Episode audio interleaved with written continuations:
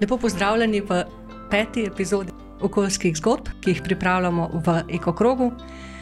Moji današnji gosti, Gaja Brecel, direktorica Monotere Slovenske fundacije za trajnostni razvoj.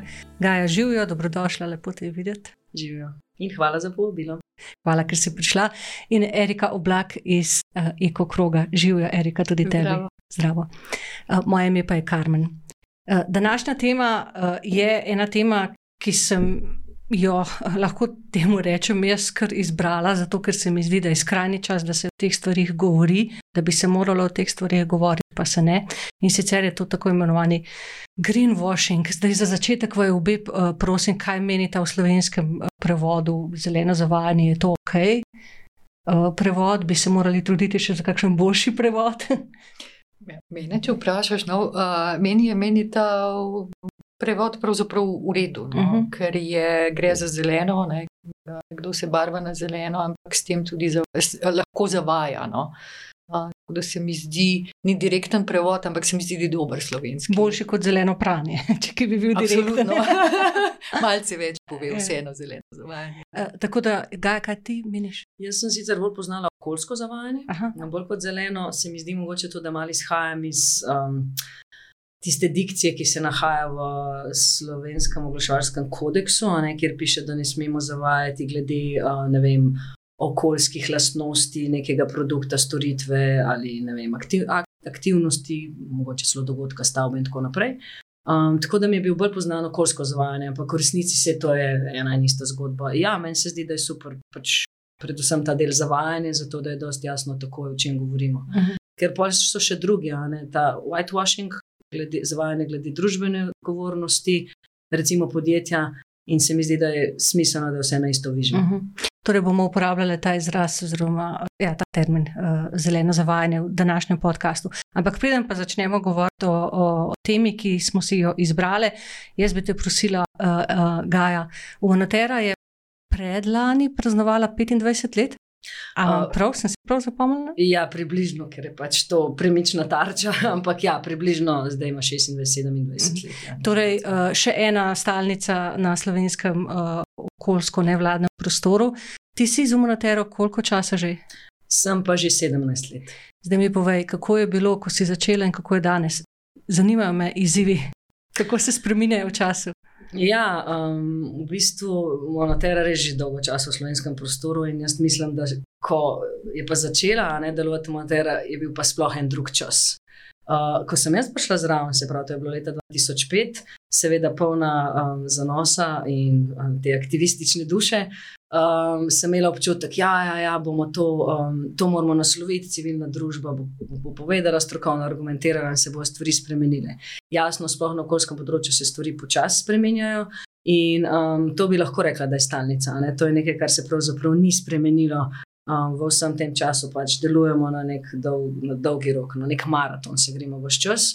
Uh, se je pa spremenilo to, ne, da so urodja, ki jih lahko uporabljamo danes, drugačne kot 15 let nazaj. Uh, naš dostop do ciljnih skupin je drugačen, tukaj se je ogromno razvila ne, v pač, druž, družbenih medijev, um, načina, naprimer, komuniciranja z odločevalci. Umanotera veliko dela v bistvu na, na nivoju politik. In način, kako danes dostopamo do odločevalcev, je drugačen, kot smo, naprimer, 15 let nazaj. In predvsem, kako oni komunicirajo z nami ali pa sploh z ljudstvom. Ne? Nekateri politiki danes komunicirajo pač preko Twitterja. Uh, To, to kar si rekla, ne, da so se spremenila urodja, kako dostopati do svojih ciljnih skupin. Tale podcast, ki ga snimamo tukaj, je tudi dokaz za to. Ne. Pred 15 leti zaradi tehnologije in tega ne bi bil mogoč, zdaj pa smo lahko uh, pri izbiri uh, teme in uh, gostov samostojni, a ne naša uredniška politika je pač lahko odvisna samo od nas. Um, Jaz, ko sem gostila, oziroma ko smo s Eriko gostili uh, Lidijo, tvojo kolegico Lidijo Živčič iz Fokusa, sem jo vprašala potem, kateri projekt uh, ocenjuje ona kot uspešen, oziroma kampanjo. Ne? In ona je izpostavila uh, kampanjo ob graditvi šestega bloka termoelektrarne Šoštan. Sicer je tako rekla, da ravno uspešni niso bili, seveda, ampak so bili pa drugi uh, rezultati te kampanje, ki jih ocenjuje kot uspešne. Lahko ti izpostaviš za Omanotero in zase mogoče en projekt, ki te še vedno, ki te še vedno po 15 letih tebe nagovarja kot uspešen? Mislim, enega je zelo težko, sem dejansko razmišljala o tem, ampak bom enega. Um, namreč zdaj se vrača po vseh teh letih. Um, deset let nazaj smo um, v bistvu zasnovali koncept trajnostnih dogodkov. Začeli smo v resnici s trajnostnimi športnimi dogodki, ker so pač fantastičen komunikacijski kanal. In kot pri mnogih projektih smo bili pred časom, zaradi tega, ker danes pravzaprav dobivamo prošnje od velikih organizatorjev, naprimer športnih dogodkov, tudi, da zdaj pa vidijo, da je čas in da bi radi pač šli po našem priročniku. In tukaj imamo tudi en cel turistični kongresni uh, del, skratka, tisti, ki kongresne dogodke organizirajo. Pa so šli zdaj po naši metodologiji, čista zmaga. Skratka, eh, stvari, ne, ki, so, ki smo jih mi videli kot takrat relevantne, so bili. Tisti projekt je bil uspešen, pa vendar ne zdaj leta in leta in leta, potem se še, še bolj uporablja kot se je takrat. Tako da v tem smislu bi rekla, da je bil uspešen, um, ni imel pa morda um, teh učinkov, ki jih jaz rada zelo vidim pri naših projektih, to je pa gradnja skupnosti. In tukaj bi pa mogoče bolj izpostavila naš program um, delovanja v občinah, skratka, um, upravljan, trajnostno upravljanje zveri skupnosti, ki je v bistvu bolj inspirativen del našega dela, ko delamo z občinami, izvajamo delavnice, skratka, čez neke participativne procese spodbujamo lokalni trajnostni razvoj. In te so meni v bistvu naj, najbližje, uh, zato ker vidim neke učinke direktne, vidim v bistvu skupnost, ki se uh, pri tem ustvarja in uh, vse skupaj v bistvu pele v neko bolj trajnostno prihodnost. Mm. Uh, jasno pa ne morem jim referendum voditi, zato ker uh, to je bil en tak res velik menik v zgodovini uh, slovenskega aktivizma okoljskega. Um, in um, v bistvu delno ne, se, se ta elan, ki nas je pel takrat, danes pozna tudi v inicijativi Glas ljudstva. Hm. O tem pa mogoče bomo še kakšno naprej rekli, ampak mislim, da je to tudi ne, um, v bistvu neka nadgradnja tega, da se okoljska nevladna sfera povezuje tudi z drugimi področji, se pravi področje dela, sociale, migracij in tako naprej, ker je vedno bolj jasno, se kaže kot očitno, da, imamo, da so pač neke skupne težave v družbi, ki jih moramo nasloviti ne, iz različnih morda področji. In rešitve bodo potem pač dobre za vse, ne? da ne moramo parcialno reševati posameznih težav. Zdaj pa zeleno zavajanje. Jaz bom za začetek prebrala um, definicijo in sicer iz Cambridge Dictionary. Greenwashing oziroma zeleno zavajanje kot delovanje, ki ga izvajaš zato, da bi ljudje verjeli, da tvoja organizacija, kakršna koli že je, varuje okolje bolj kot v resnici ga. In še dodatki. Zeleno zavajanje je preusmerjanje pozornosti, izpostavljanje enega okoljsko sprejemljivega vedika, da zakriješ to, kar pa se v resnici dogaja, in večinoma pomeni tudi to, da organizacija porabi precej več denarja za marketinške, uh, tako imenovane PR akcije oziroma akcije odnosov z javnostmi in strategije, kako prikazati, da je zelena, kot porabi denarja za izboljšanje svojih okoljskih praks. Torej, prvi alarm, ne? če uh, nam nekdo strašno hoče pokazati, kako zelo zelen je, potem nam morajo zazvoniti alarmi. Zdaj pa jaz vaju sprašujem takole. Uh, Ko sem jaz premišljala in se pripravljala na ta podcast, sem ustvarila eno umetno delitev, o kateri smo se tudi mi pogovarjali. Ali je možno reči, da ja, eno je zeleno zavajanje, ki meri neposredno na potrošnika, ki kupuje neki izdelek, eno pa je neko bolj sistemsko zeleno zavajanje v ozadju, ki ga na različnih ravneh izvaja kapital. Ali je to možno razdeliti, ali gre pravzaprav za isti šmoren, ker obe, obe vrsti zavajanja merite na potrošnika. Kako ti v tem razmišljaš? Um, mogoče bi dodala še en, še en, kako bi rekla, obvod tukaj, mogoče preden začnemo, da kar en dobršen del zelenega zavajanja je nenamenskega. Mm. Skratka, tudi, tudi tole moramo ne, prepoznati, zaradi tega, ker uh, niso vsi, ni, uh, niso vsi sami po sebi, kako bi rekla, zlobni v tem smislu. Um, mnogo ga je pač res nepremišljenega, ker mi to naslavljamo, mnogo krat, ko delamo s kakšnimi ciljnimi skupinami in rečemo, da je to, pa to, pa to, ni ok. E, in zato morate poznati, ali bodi si znake, zakonodajo. Mhm. Skratka, pa je bilo narejeno z dobrim namenom. Tako, tako, pa je bilo narejeno dejansko z dobrim namenom. Tako da uh, samo to, še ta košek bi mhm, pridala. Ampak mi vendarle govorimo, seveda, o tem, ne namernem. Uh, zdaj, predvsem danes si mislim, uh, načeloma. To distinkcijo, ki si ti naredila, mi je všeč, mi je zanimiva. Uh, se mi zdi, da uh, kar imajo v bistvu skupnega, ne, pa da isti šmoran je to, da pravzaprav oboji želijo ustvariti pri, uh, pri končnem, bom rekla, potrošniku, lahko, ali pa pri končnem tistem, čigar mnenje hočejo spremeniti ali pa ohranjati, a ne pač neko podobo. Zdaj, če je to, naprimer, v primeru kakšnega onesnaževalca, ki pride v lokalno okolje, so seveda občani zelo, zelo pomembni, zato ker bojo vedno potem rekli, da pa se lokalna skupnost nas vendarle podpira. Lahko so ti isti občani pa potem a, tarče zelenega zavajanja, ko gredo v trgovino, pa kupijo, kaj pa jaz vem, uh, tekstilne izdelke iz ekobombaža, uh, misleč, da je ta znamka zelo zelena, ko je pa vendarle ne delček njene proizvodnje, samo pač iz vem, ekološkega bombaža, vse ostalo pa izkorišča okolje in delovno silo. To so realni primeri, zato to omenjam, ampak to je lahko isti človek, ne na koncu, ki je pravzaprav tarča um, zelenega zavajanja na vseh nivojih. In v resnici gre za to, da hočemo tega človeka prepričati, da smo fajn, zato da bomo imeli njegovo podporo v trenutku, ko bo prišlo do kakršne koli konfrontacije. Ker te stvari se, se dajo razgaliti. Uh, so pač aktivisti, kot je Ekokrok, naprimer, ki razgalijo potem um, svinarijo neke uh, multinacionalke. Uh, in so na drugi strani uh, vem, organizacije, ki razgalijo um, um, slabe okoljske in družbene prakse nekega podjetja za neki izdelek. In potem pride do konfrontacije, in potem gre v bistvu za, za boj, za, za mnenje teh ljudi, končnih potrošnikov. Ali so zdaj oni ok, ali niso ok v tem prostoru. Mm. In v bistvu vsi pravzaprav bombardirajo uh, uh, iz vseh koncev posameznika s svojimi sporočili, in na koncu je spet posameznik tisti, ki se mora odločiti. Ne? In tukaj, tukaj jaz vidim problem, ker kapital ima izredno moč uh, in ogromno denarja, naprav, naprimer, kakšni nevladni organizaciji, ki razgali nek problem. In če ti kot posameznik vidiš ne vem, neko glasno sporočilo za neki izdelek, ki ti ne vem, 50krat na dan iz vseh koncev šopa v glavo, koliko zelenje si boš to dosti bolj zapavno, kot kar enkratni. Uh, enkratno intervencijo, naprimer, nevladne organizacije, ki upozori na problem, da temu ni tako. In zato je v bistvu v osnovi, a ne že pozicija moči, popolnoma um, neenakopravna.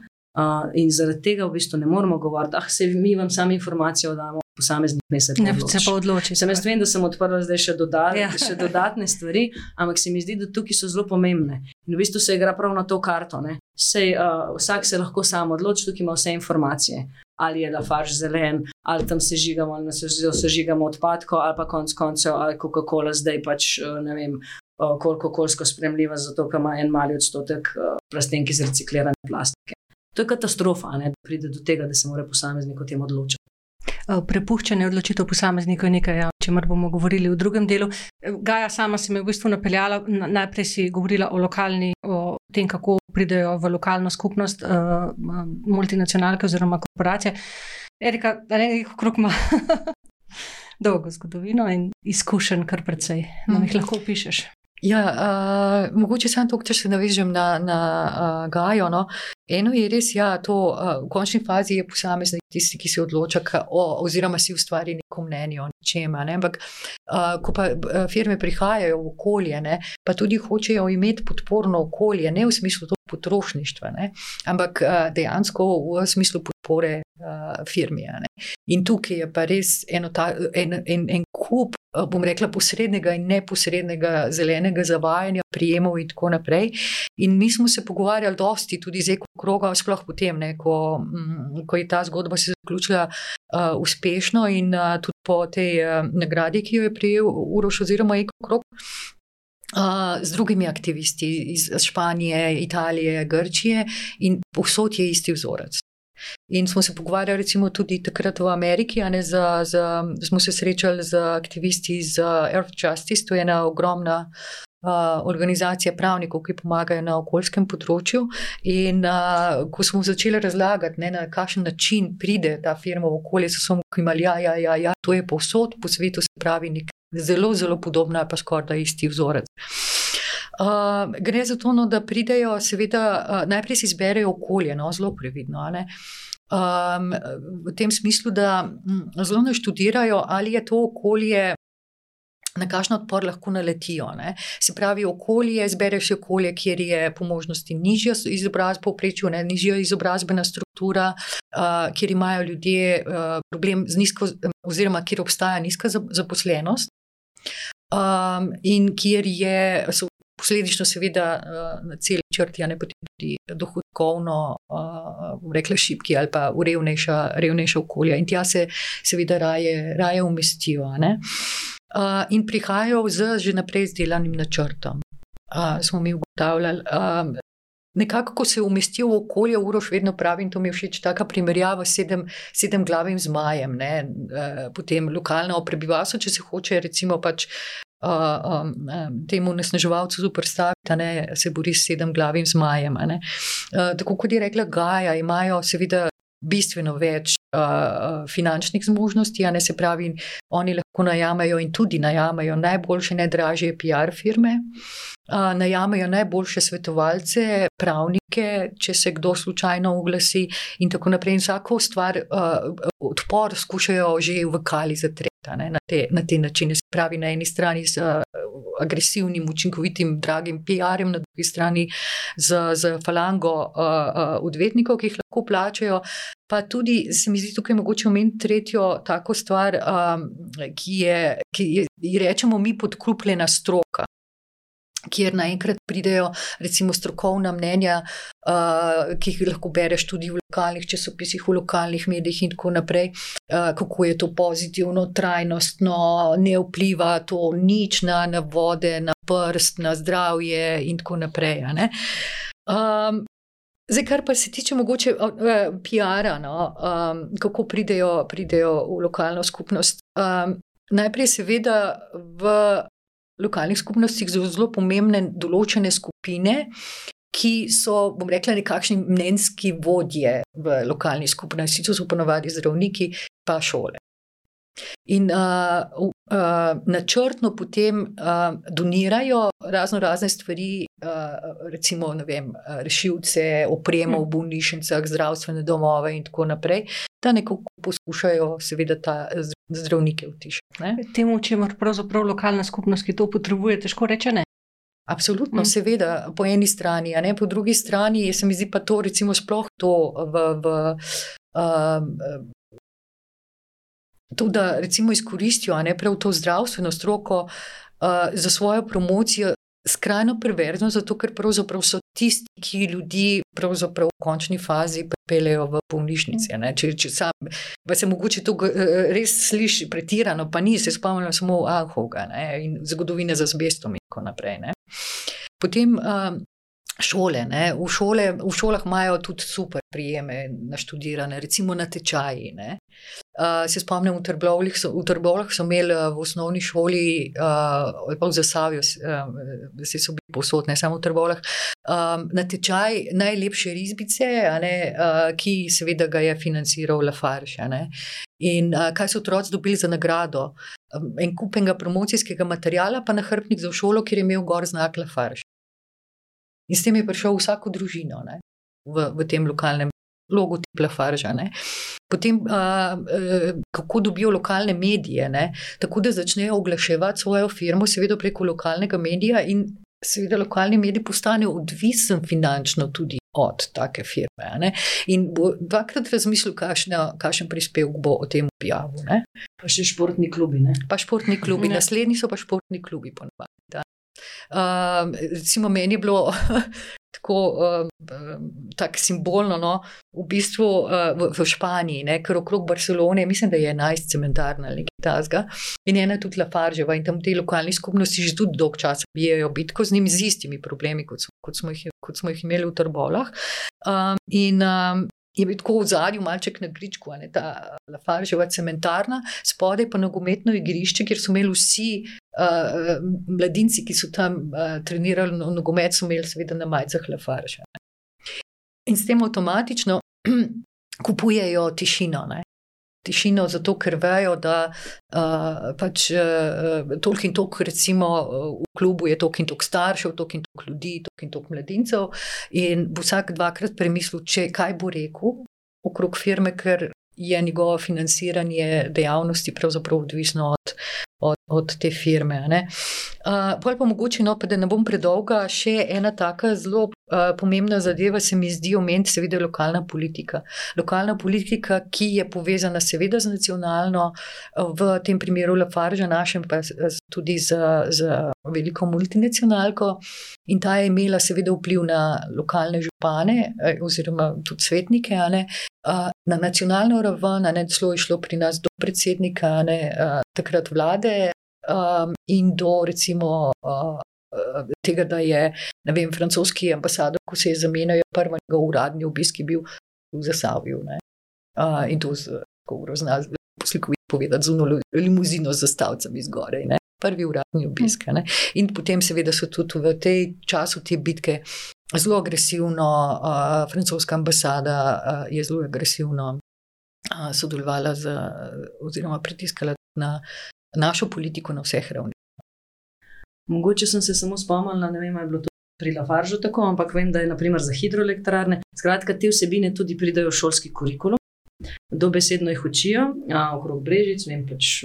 Poznam ljudi, ki imajo otroke v tamkajšnjih šolah, dobesedno jih učijo o tem, kako dobro za naravo je pač gradnja hidroelektrarn in sistem, pravzaprav um, ne samo podporo, seveda vnaprejšnjo podporo kupujejo, ampak pravzaprav um, učijo vsebinsko ne, v tem. Ni potem samo, da ti z logotipom prideš domov, ampak pravzaprav učiš otroke v neki pač tehnologiji pridobivanja pač eh, energije v tem primeru, ne, ki je pisana na kožu pač nekemu infrastrukturnemu projektu. In uh, nekako se mi zdi, da je skupni imenovalec temu, ne, zakaj pridejo tudi v socialno šibko okolje in podobno. Uh, to se je nam dogajalo, ko so magno umeščali prostor, ko se je Manotera pač tukaj vključila v postopek pridobivanja okoljevarstvenega dovoljenja in soglasja. Uh, je bila seveda ogromna, agresivna uh, v bistvu kampanja proti uh, Manoteri in tudi drugim organizacijam, ampak predvsem, kaj so želeli ne, povedati. Uh, da um, se je treba odločiti, ali hočemo delovna mesta ali pa ohranjeno okolje. Vse čas so usiljevali to lažno dilemo, da je lahko samo eno ali drugo. In seveda, da se moramo tem prvovrstnim kmetijskim zemljiščem na vodovarstvenem območju, kjer bodo lakirali avtomobile, odpovedati, zato ker vendarle rabimo službe. E, to je bila pač vzhodna uh, slovenska regija. In seveda tam je manj služb, to, da politika pravzaprav desetletja zanemarila, ne, to območje niti ni pomembno bilo, očitno. Ne. In zdaj bo ta ena firma, ki je nobena država ni sprejela, ker je preveč omazana, prišla k nam in bo rešila to situacijo. In v trenutku so bili ljube, ljudje proti temu. Niso več mogli slišati, da jim bojo zastropili vodo, da v bistvu bodo to slaba delovna mesta, da rabimo prostor za pridelavo, um, za kmetijstvo. Ne? ne, delovna mesta je posekalo v trenutku vse. In to je zelo lahko. Potem tudi v nekem lokalnem okolju, ker je težava, ne ustvariti to, da bodo ljudje stopili na stran te, te firme. Ker seveda verjameš v tistem trenutku te obljubi. In um, to, je, to je najtežje, to, da se greš v bistvu, da se grejo oni manipulirati z, z, z, ljudmi, ki so v težki situaciji. To je v bistvu tisto, kar je, ne, kar je Erika prej rekla, perverzno, se mi zdi to tudi zelo perverzno. Zato, ker ta, uh, jaz večkrat rečem, ne, da bitke, uh, tiste široke ali pa močne bitke, bodo težko ljudje, ki so v zelo, zelo težki situaciji izbojevali ampak jih bomo mogli, predvsem tisti, ki mogoče nismo v tisti situaciji v nekem trenutku, ker imamo pač to možnost, kapacitete, popolnomočenje ali karkoli. Ja? Jaz mislim, da je, da je mogoče, če, če lahko še malo nadaljujem. No, uh, um, Ta tema ne, delovnih mest, ne, to je bilo seveda tudi, tudi uh, za Savje. Ne, uh, taka, uh, ampak zanimivo je bilo nekaj v Zasavju, pravzaprav potem, ko se je težka industrija uh, ustavila, um, ne samo Lafarge, druga, in pravzaprav Zasavje zadihal drugače. Ne. Tam so se razvila visoko tehnološka podjetja, imajo v Zagorju, mislim, da je v Trbovlju katapult, ne starta. Izjemno uspešen. Uh, potem je naenkrat celo zastavje, ki je čudovito s temi hribi, gozdovi. Bom rekla, 45 minut od Ljubljane, ne, dostopnost z, z vlakom, ena najbolj dostopnih regij z vlakom v Sloveniji, izjemno turistični potencial ker je, ker je zelo ohranjeno, je res čudovito, no? res je lepo, zdaj se šele vidi, kako je, koliko je to lepo okolje. Ne? In pravzaprav se je zgodilo eh, ravno nasprotno. Ne? Ni se povečala brezposelnost, daleč od tega, v bistvu na nek način so zacveteli. In se verjetno bojo še v mm. nadaljevanju. In če bi pa to ohranili, pa vseh teh potencialov ne bi imeli. Poleg tega smo pa tudi seveda spremljali, kaj je uh, zaposlovanje v, v, v Lafaržu, a ne takrat in seveda ugotovili, da takrat, ko je imel največje dobičke, je, je, je največ tudi opuščal Lafarž. Tako da to niti slučajno ni. Um, Ta mantra, ne, da je ja, daleč od tega. Sploh se mi pa zdi, da je to res um, na nekem soočenju na referendumu za vodo. Ne vem, kdo od naših kolegov je to dejal, ampak ta izbira med varovanjem okolja in razvojem je že davno preživeta. Ne? Absolutno. Um, to je vračanje v 19. stoletje. Tako, tako. tako in toliko je primerov dobrih praks. In, in mogoče tudi to, kar si rekla, uh, Gaja, pa na to nisem pomislila prej. Ampak uh, jaz mislim, da bi tudi morala na nek način uh, neka okolja, recimo, ki, ki imajo potencijalne probleme, ali pa želijo, ali pa hočejo, recimo, jim pač usiliti neko, neko tako industrijo, da grejo pogledat uh, na tisti konc Slovenije, se pogovarjati s tistimi, ki so take bitke že dal čez mm. in jim povejo, kaj je realno in kaj ni realno. Mislim, da mogoče to, to, Tukaj je še ena taka priložnost, kjer lahko en drugo, drugem pomagamo, pa ne samo nevladne organizacije, ampak župani, županov, ja. občina, občina, regija, regiji. No? In tukaj pridemo nazaj na participacijo, ker mhm. ne, na koncu koncev, ko ljudem postaviš najbolj osnovno vprašanje, ne, v kakšnem okolju, pa ne mislim samo fizičnem, ali pa v naravi, želijo živeti, v kakšni družbi. Se bomo v glavnem strinjali, ne, da želimo pač dostojna delovna mesta, da želimo ohranjene vodne vere, čist zrak in tako naprej. In da se to da ob oboje, ne, da ni ali ali, ampak da je in in. Uh, ravno v bistvu taki primeri lahko pokažejo. In to bi bilo eno izmed pomembnejših ključnih sporočil. Mm. Mm. Gaja je prinesla uh, malo slikovnega materiala, upam, da se vidi um, na kameri. This company is as green as this sticker. Hvala, Gaja. to je v resnici del ene mednarodne kampanje, uh, ki v bistvu govori o letalski industriji. Uh, in tukaj je ogromno ne, tega. Um, jaz bi izpostavila en fulj zanimiv um, Greenwash Guide, se imenuje. To je naredila ena britanska komunikacijska firma leta nazaj, Futera. In tam govori o desetih um, tipičnih načinih um, zelenega zavajanja. In ko enkrat to pogledaš, in če si vzameš par minut in pogledaš reklame na televiziji, vidiš, koliko v bistvu tega zelenega zavajanja je. Ne? Tam imaš, na primer, uh, ena taka stvar, da se uh, te, to vizualno uh, ozelenjevanje. Če pogledamo um, avtomobilske um, oglase, se v glavnem vsi vozijo po nekih po podeželju, po nekih zelenih, okrog, vse je zeleno okrog, ne, da ti da občutek, kako čist je ta avtomobil. Ne. Ko pa vemo, da je pač avto ravno obratno od tega. Ampak skratka, to so to, temu se reče vizualno sugeriranje, ne, pač po tem gajdu. In potem jih je še pač vrsto drugih, ne bom zdaj naštevala, ampak um, letalski prevozniki jih uh, zelo radi uporabljajo. In um, so vedno te nekaj slikce, kako ti letiš, ali pa ti rečejo, potem pa lahko offset narediš in lahko letiš, kolikor pogosto si želiš. In to je v resnici to, je to kar želimo slišati. Želimo slišati, da bomo živeli še enako naprej, uh, kada ni nič, kada ne presegamo našega ogličnega otisa za petkrat, petkrat, se pravi, to niso ne mehne kozmetične spremembe, ki jih moramo narediti. Uh, in da nam nekdo pokaže, kako. Skratka, da v bistvu kapitalizem prebarvamo na zeleno. V resnici si kot potrošniki to najbolj želimo, ker pač bomo že tako in tako dosti drugih problemov, ne? samo pač ne mi zdaj en še ne govori, kaj moramo vse. V resnici bi bilo to najlažje, da gremo v trgovino ne? in izberemo en izdelek na mesto drugega. In letalski prevozniki to zelo radi ponujajo. Ja, in nas vabijo tudi na vikend izlet v London, v New York kot da nismo s tem v bistvu letne kvote ogličnega vtisa eh, porabili in zato je v bistvu ta um, nalepka prišla. Lahko še nekaj preberem, um, še eno misel, ker velike korporacije ne morejo zanikati svojega uničujočega vpliva na okolje, so težavo poskusile rešiti s terminologijo. Uvajati so začele različne okoljevarstvene programe, restrukturacije, ki pa v praksi ničesar ne spremenijo. Torej, to, kar si ti govorila, ne programi, uh, financiranje tega, financiranje onega. Uh, Medtem ko sem brskala po, po spletu, ne sem našla, recimo, Sveda Guardian piše. Uh, glavni uh, unesnaževalci, naprimer avtomobilska, letalska industrija, pa naftna podjetja, dajo na milijone dolarjev za sponzoriranje športa. Eden uh, od največjih uh, kolesarskih uh, klubov, svetovnih, profesionalnih, njegov glavni sponzor je četrto največje petrokemično podjetje uh, na svetu. Da se vrnem nazaj. Torej, um, V praksi niso ničesar spremenili ti programi in restrukturacije, in ustvarja se konflikt med družbenim pritiskom, da mora biti vse zeleno, in na drugi strani kapitalistično logiko, kako z najmanj vložka zaslužiti največ. Gaja, zdaj pa ti meni povej, kje je rešitev v tem kavlu 22? Uh, ja, mislim, predvsem se moramo znebiti tega, da, um, sploh, da si lahko umišljamo, da lahko kot gospodarstvo neskončno rastemo. To je prvo, pač vemo, da gospodarska rast um, uh, neminovno more pri, privesti do vedno večjega izkoriščanja narave in vedno večjega izkoriščanja ljudi. Če ne, se pač ne nekna rast ne more dogajati.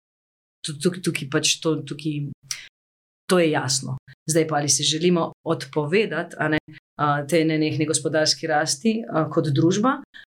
Verjetno bi se kot družba bolj z veseljem to odpovedali, če bi v bistvu kako bi rekla, dosti jasno povedali, kaj to prinese. To prinese pravzaprav pač dobičke za peščico ljudi. Ne? Večina od tega nima nič. Gospodarska rast to prinese. Mislim, mi to gospodarski rasti to prinese. Mi to gospodarski tako. rasti to prinese.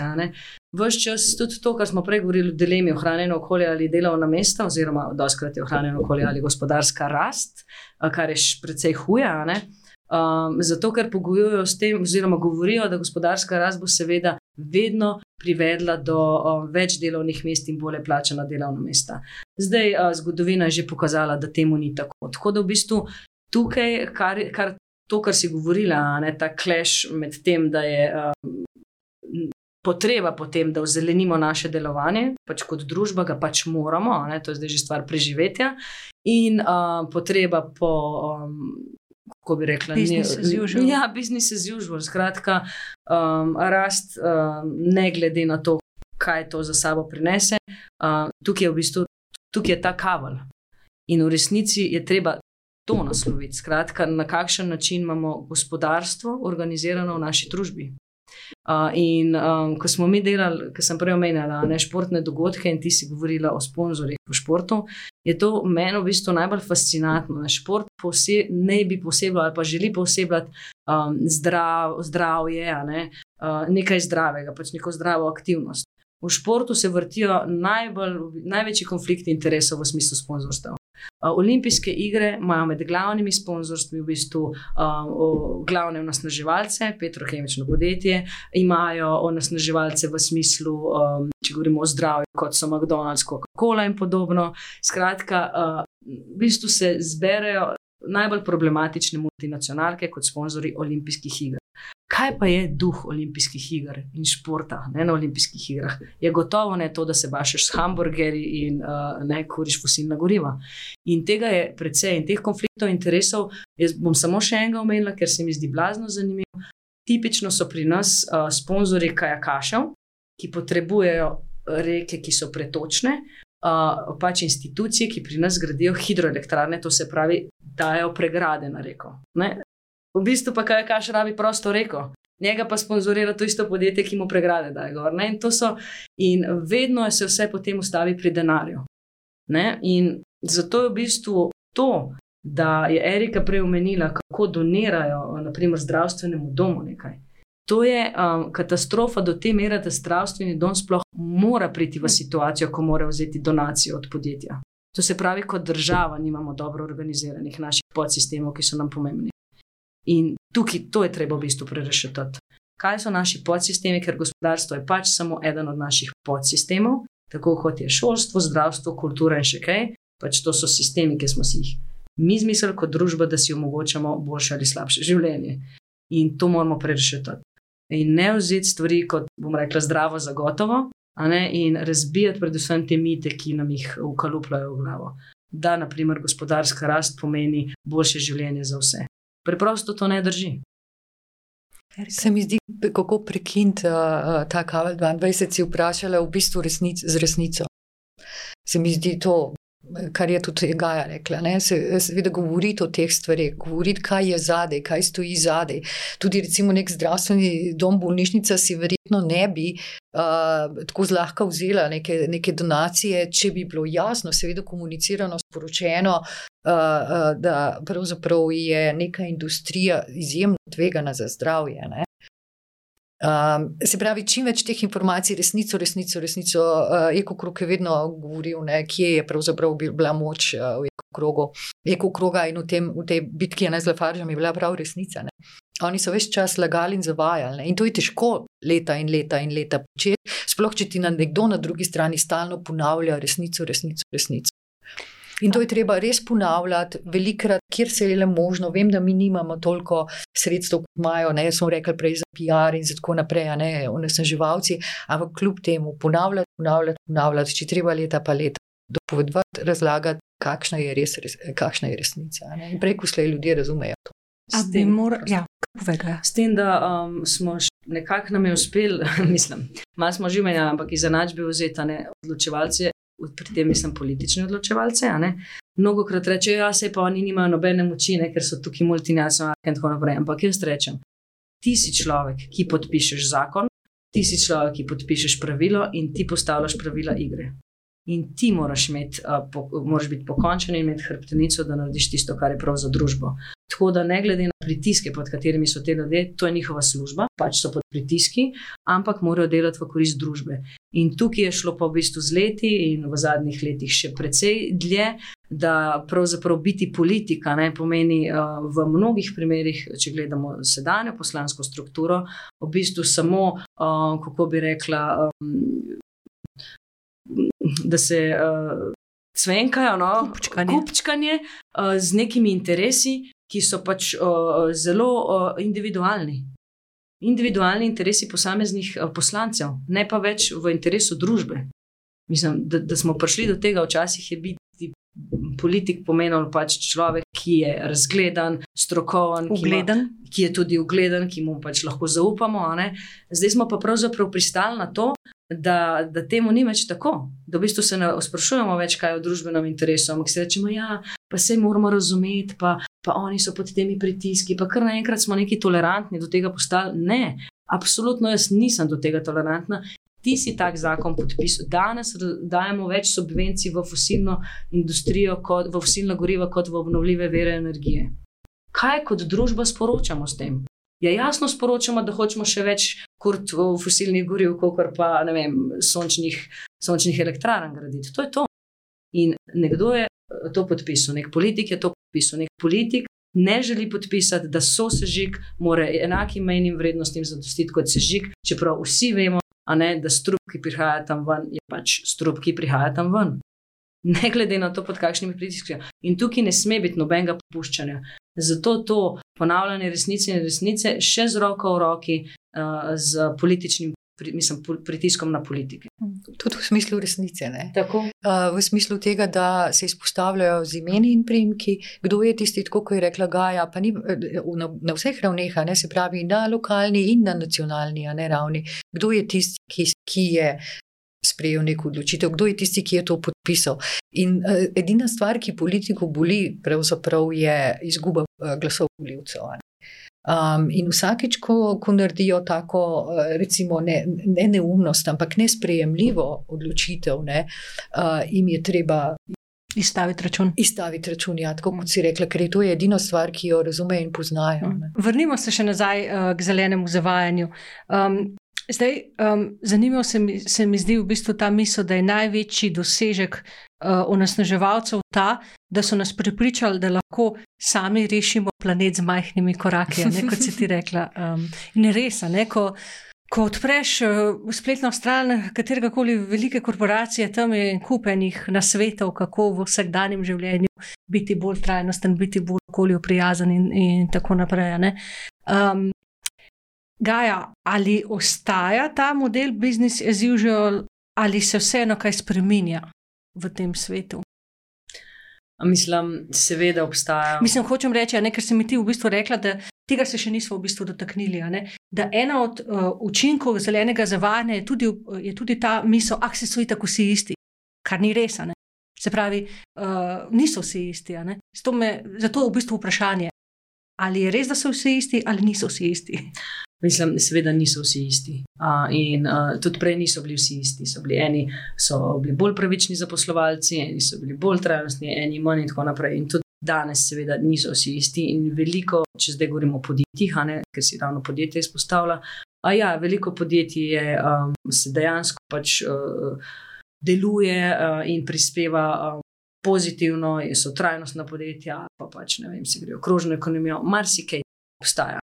So inovatori na tem področju in uh, jim je treba to priznati. In ni prav, ne, da mečemo vse v isti koš. Um, seveda so pa v manjšini.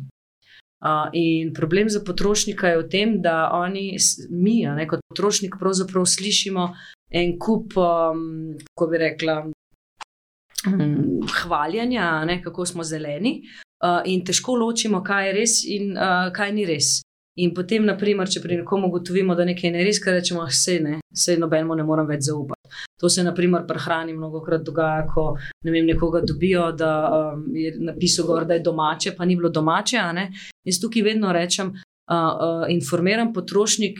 Vse izobrazba je vedno najboljše orodje, ne? ampak inform, orožje. Informiran potrošnik je tukaj ključen, da ti razumeš znake, ki pač pritičejo prehranskim izdelkom, kaj kaj pomeni. Kaj je, naprimer, znak za ekološko kmetijstvo. To, da nekdo gor z besedo piše domače, ni predpisano, kaj to pomeni. In v tem smislu je dobro, da smo izobraženi. Zdaj pa. Um, Kako bo pa posameznik vse rešil? In, uh, v bistvu te, te fronte, ki jih je res, res, res veliko. Naredi majhen korak in naredi vsi veliko, in rešil boš planet. Taj, in, delfine, in... in mi je res najljubše, da boš rešil planet, zato ker v resnici pač planet je bil pred nami tam, tudi za nami, tam noben ne rešuje planeta. V resnici rešujemo življenje na njem, oziroma lastno rit. Civilizacijo. Ne, tako da tukaj to si moramo naliči iz Gavina že takoj. Mm, ampak to so naj, najbolj take kampanje. Ne? In kaj se dogaja? Ne? Zdaj pa res že ogromno raziskav obstaja, ne? to zdaj ni več samo mnenje, ampak res ogromno raziskav, ki se ukvarjajo s psihologijo človeka, ki kaže na to, da pravzaprav veliko malih korakov se vrne kot bumerang, small steps can backfire. Namreč, Um, vsi vemo, ne, da pač imamo nek neozdržen model in da moramo nekaj narediti. In zdaj zjutraj se zbudimo in potem vzamemo vrečko za trgovino sabo, pa v svoj kozarček za kavo za napumpo, pa potem uh, ne vem, um, kaj pa jaz vem. Ločimo, seveda, v prave smeti, vse vržemo. Skratka, vse čas nekaj razmišljamo, pa delamo tem malenkosti, in zvečer smo, seveda, od tega silnega udejstvovanja zelenega že vsi utrujeni. In ko potem pride, ne vem, umanotera ne, in reče: Pa veste, pravzaprav ne, en povraten let, Ljubljana, New York, Ljubljana, cel neoglični proračun za celo leto koštane, pravzaprav ne. Treba se odpovedati letom, treba se odpovedati mesu. Tako, čak, samo, jaz tako že cele dneve v bistvu to živim in diham, in jaz delam že vse. In ljudje potem niso pripravljeni ne, na tiste res večje, eh, korenite spremembe, ki jih seveda bomo morali vsi narediti. To je neminovno. Vsi bomo morali manj leteti, manj mesa pojesti, to je jasno. In pač seveda, da imamo že danes to narediti. Ampak ne smemo si pa delati utvar, da bodo podjetja, pa multinacionalke, pa vse bo šlo naprej kot je. A ne še zmeraj bomo dali, naprimer, več subvencij v fosilna goriva kot v obnovljive vere, zraven bo pa posameznika ne, s tem odpovedovanjem lahko rešil uh, podnebno krizo, recimo, če zdaj o podnebni krizi govorimo. Ker to preprosto ne bo dovolj.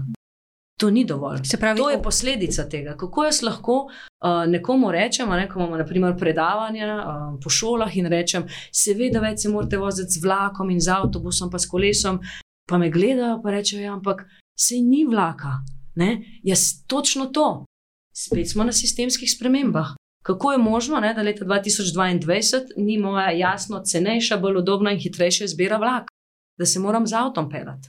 Ne, in to so tiste stvari, kjer ne bo posameznik rešil v bistvu in ne bo naredil dovolj velikih korakov, kot, jih, kot jih pač moramo kot družba. Skratka, ne moreš tlačiti kroga v kvadrat. E, točno to, ne moreš ga. Okvir je ki ga tlačeš, tlačeš, pa tudi mi bomo mogli malo ne, se prilagoditi, pa narediti, kaj pa ste imeli lipso iz sebe, ampak dejansko pa okvir more to omogočati, da mi lahko sploh trajnostno bolj živimo in da bo to najbolj normalna izbira. No Jaz, če smo... pridem danes v trgovino, moram zelo poiskati tam nekaj daleč dol. Vse neko smiče slovenske ekološke kmetije. Prej mi pa tukaj ponujajo 35 drugih izbir, ki pač niso sprejemljive iz tega vidika. In kje smo pri tem okvirju? Pa potem še reko. Ja, okvir se spremenja, 15 let nazaj ni bilo takega okvira, kot je danes. Ne? Recimo, če pogledamo Evropsko unijo, ja, obstaja nek uh, okvir, zeleni dogovor, uh, okvir se spremenja, signali, uh, gospodarstvo se spremenjajo in tako naprej. V tem smislu okvir je precej boljši, kot je bil. Ampak okvir ni uh, dovolj uh, ambiciozen v smislu, da bi bil skladen s podnebnimi cilji, kot nam jih pač na, nalaga znanost. Se pravi, še preveč je tega, kaj je politično možno, ne pa kaj je pač potrebno narediti, pa predvsem počasi. Te, ta, ta prehodna obdobja so tako počasna. Ne. To, kar se danes pogovarjamo na političnem prostoru, v Evropskem, recimo, bi bilo popolnoma normalno, da bi se pogovarjali 10-15 let nazaj, ko smo že vedeli vse te stvari, ki jih pač danes še bolj vemo. In v resnici se podnebna znanost v ničemer ni motila, razen v tem, v tem, da je še premalo, da je še podcenila to, kar se obeta, če bomo šli biznis as usual. Tako da pravzaprav prej smo se pogovarjali o alarmih, uh, ki zvonijo ali še ne zvonijo, uh, že zdavnaj so zvonili, samo politika jih noče slišati, ker je treba uskladiti preveč interesov. Ampak kje pa je interes življenja, A se hecate? Milijoni in milijoni ljudi so že danes razseljenih in umirajo zaradi pač podnebne krize, okoljskih dejavnikov, mi se pa še zmeraj delamo, kot da pravzaprav se, se ni tako hudo, ne se, se mogoče res poplave prihajamo ali pa pogosto, ampak se bomo že sanirali. To je zato, ker umirajo drugi, ne pri nas. Točno to je. Ampak eh, tisto mogoče bi rekel, pa vseeno, uh, vem, kaj je Gaja hotela povedati, ampak mi je Vse je v končni fazi spet na osebni ravni. Ne? Eno je biti potrošnik in tam biti odgovoren, drugo je pa biti politično aktiven. Hmm. To ne pomeni, da moraš nujno biti predsednik ne vem, kakšne politične stranke, ampak na lokalni ravni in na nacionalni ravni. Uh, ker kdo daje okvir? Sistemskim, sistemskim rešitvam, pa tudi okvir podjetjem, se pravi, neka pravila, ki jih postavlja podjetjem in politika. In dokler se bomo izogibali uh, političnega delovanja uh, na vseh ravneh, toliko časa, seveda, sprememb ne, ne moremo pričakovati. Ker uh, zelo se pa politično udeležujejo uh, podjetja, multinacionalke, firme in tako naprej. In tako naprej. Seveda, kot smo prej govorili, na koncu ostaneta samo dva, ki se pogovarjata, brez tretjega, pa mogoče še koga četrtega. Um, in tudi to, da, da je politika, je, kako rečemo, ne pri nas taka in taka in taka, pameten človek se s politiko ne bavi, je zelo, zelo načrtno, zgrajeno in narejeno. In spet smo na osebni ravni, ker mi govorimo, ko rečemo politika. Toliko radi, to je nekaj tretjega, neka tam ena taka entiteta, ki nima noč upraviti z nami, ki pravzaprav je kar neki je. Ne? Ni, ne vem, ta pa ta ime, in tako naprej. Ni moj sosed, ki me zastopa v občinskem svetu, konc koncev. Ne. ne, politika je neka uh, brezimna gmota tam nekje, ki je noben ne mara. Ne. Smo, se pravi, hočem reči, vse v končni fazi pride spet na osebno raven. Biti aktiven, biti aktiven na lokalni ravni, biti aktiven na nacionalni ravni. Ne. Iti v politiko, zato da se spremeni politika, konc koncev. Ne. Ampak zato, seveda, je ja. pa treba, treba neko, neko odločitev pri sebi sprijeti, uh, pa potem tudi zelo resno se tega lotiti. Ker čakamo, ne vem, pač 10-20 let, da bo nekdo nekaj naredil, a ne pa če pa 25 let, ne pa mogoče pomisliš, mogoče pa mene čakajo. Ne? Se pravi, zelo strinjam, naprej, se zelo strinjam s tabo. To je um, večinoma moj odgovor, ker sploh novinari imajo to radi. Pa kaj lahko pa posameznik? Ja, ja. To je vedno vprašanje, kaj so podnebne spremembe. Rečem seveda, pač ne, manj letov, manj mesa in tako naprej. Ampak najpomembnejše pa je, da smo aktivni državljani. Da zahtevamo od politikov, da to. Na, na, na, na. In tukaj se mi zdi, da imamo kot posamezniki v resnici si moramo vzeti to moč. In uh, enako velja, če se vrnem naprimer, prej na, na mojo misel o oglasih na televiziji, ne, ki je mogoče zdaj obskurno, da to zraven prepeljam, ampak tudi tukaj. Mi imamo pač kot posamezniki, ko vidimo očitno zeleno zavajanje, ne, če se na to temo vrnem, mi lahko to prijavimo pač oglaševalskemu sodišču. To lahko naredimo kot posameznik. Zakaj tega ne počnemo? Zato, ker smo, nas je velika večina prepričanih, ah, se je nam noč zgodil. Ja, točno tako se bo zgodilo, ko nas bo več prijavljalo te stvari in se aktiviralo. In to je pač zdaj primerček tega, ne? ampak v resnici v, na vsa polja našega življenja, če tako razmišljamo, ja, dejansko imamo neko moč, predvsem aktivno državljanstvo, tukaj je res ključno. Pa mogoče vprosti, kar manj še en način sem se spomnila, ki pa pa rekel krogu se zelo, moram reči, kot pozitiven izkazal, ko rečemo politično delovanje, da da da, aktivirati, biti aktivni, ni nujno vedno v politiki, recimo nam je bilo čudovito, ko se nam je v teh 15 letih javljalo ogromno strokovnjakov iz različnih področji, ki si niso mogli javno izpostavljati, zato ker bi lahko bila tudi njihova služba ogrožena, preživeti, seveda imajo družine in tako naprej, ampak so v zadju v ekokrogu delovali izjemno pomembno, z izjemnimi informacijami, pomočjo in tako naprej, in nikjer ni bilo njihovo ime izpostavljeno na vzven. Hočem reči, tudi na tak način se da pomagati. In to zelo, zelo uh, učinkovito in pomembno pomaga. Ni potrebno se izpostaviti s svojo osebnostjo, ampak svojim znanjem in veščinami tako, in strokovnostjo. Še nekaj vam moramo vprašati. No? Vseeno se mi zdi to pomembno. Ne? Pogosto slišimo uh, to trditev, ki cilja na nas kot potrošnike, s povpraševanjem po resnično zelenih izdelkih in zavračanju lažnih, lahko spremenimo ponudbo trga. A je to res? Mislim, delno je res.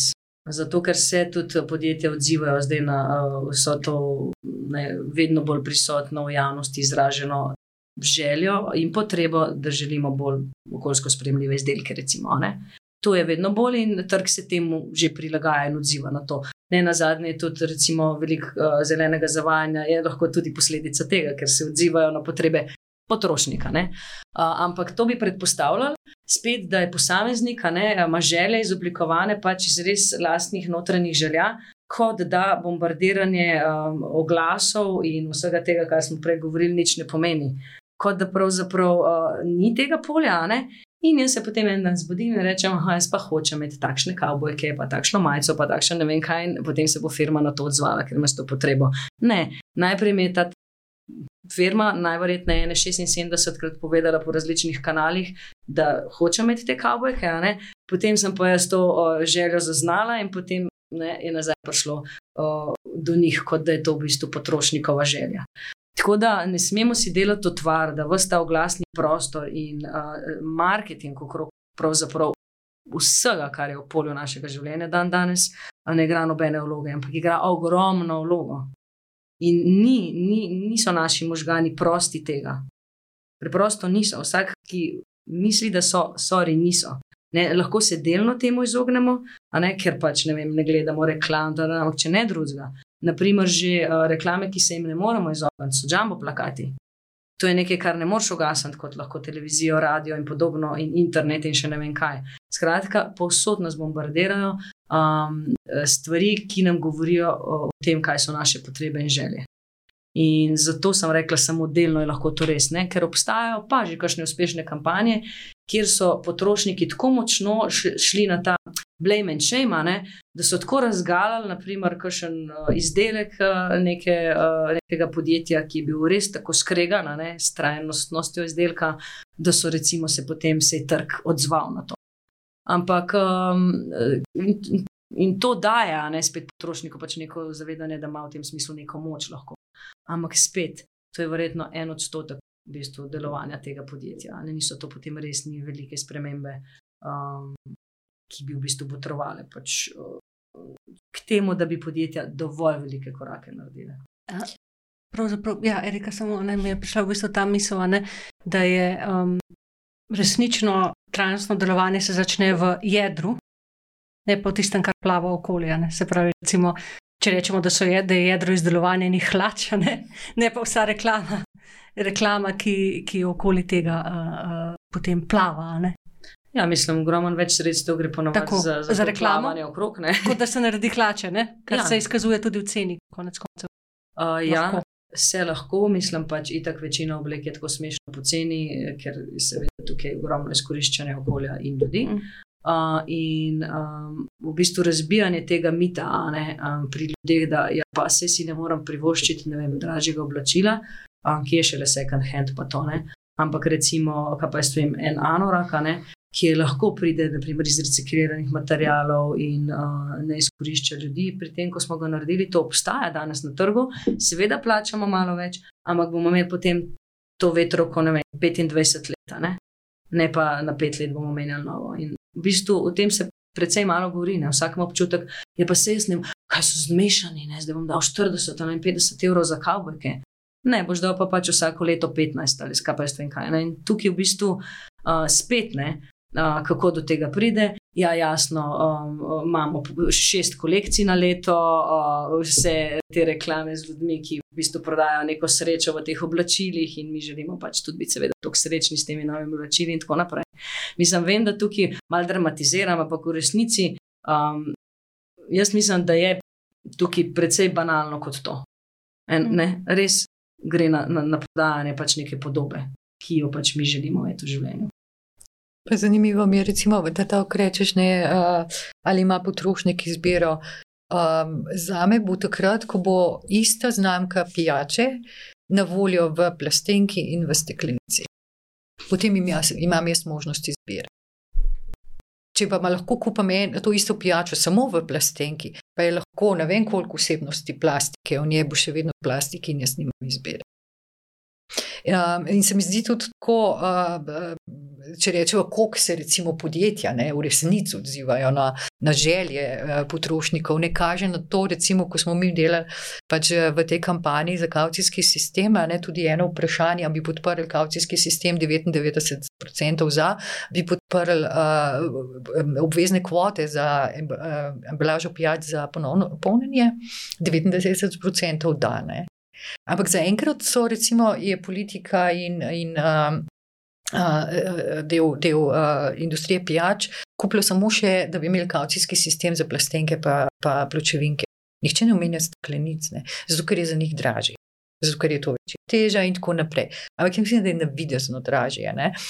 Um, In potem v bistvu spet pridemo do zelenega zavajanja. Ne? Ja, se pa zbiramo plastenke, ne? kar kaučijski sistem absolutno je plus. In pet plastika, ki je za embalažo, za pijače, je absolutno reciklabilna. V primerjavi s poplavo ostale plastike, kjer ni. Ne?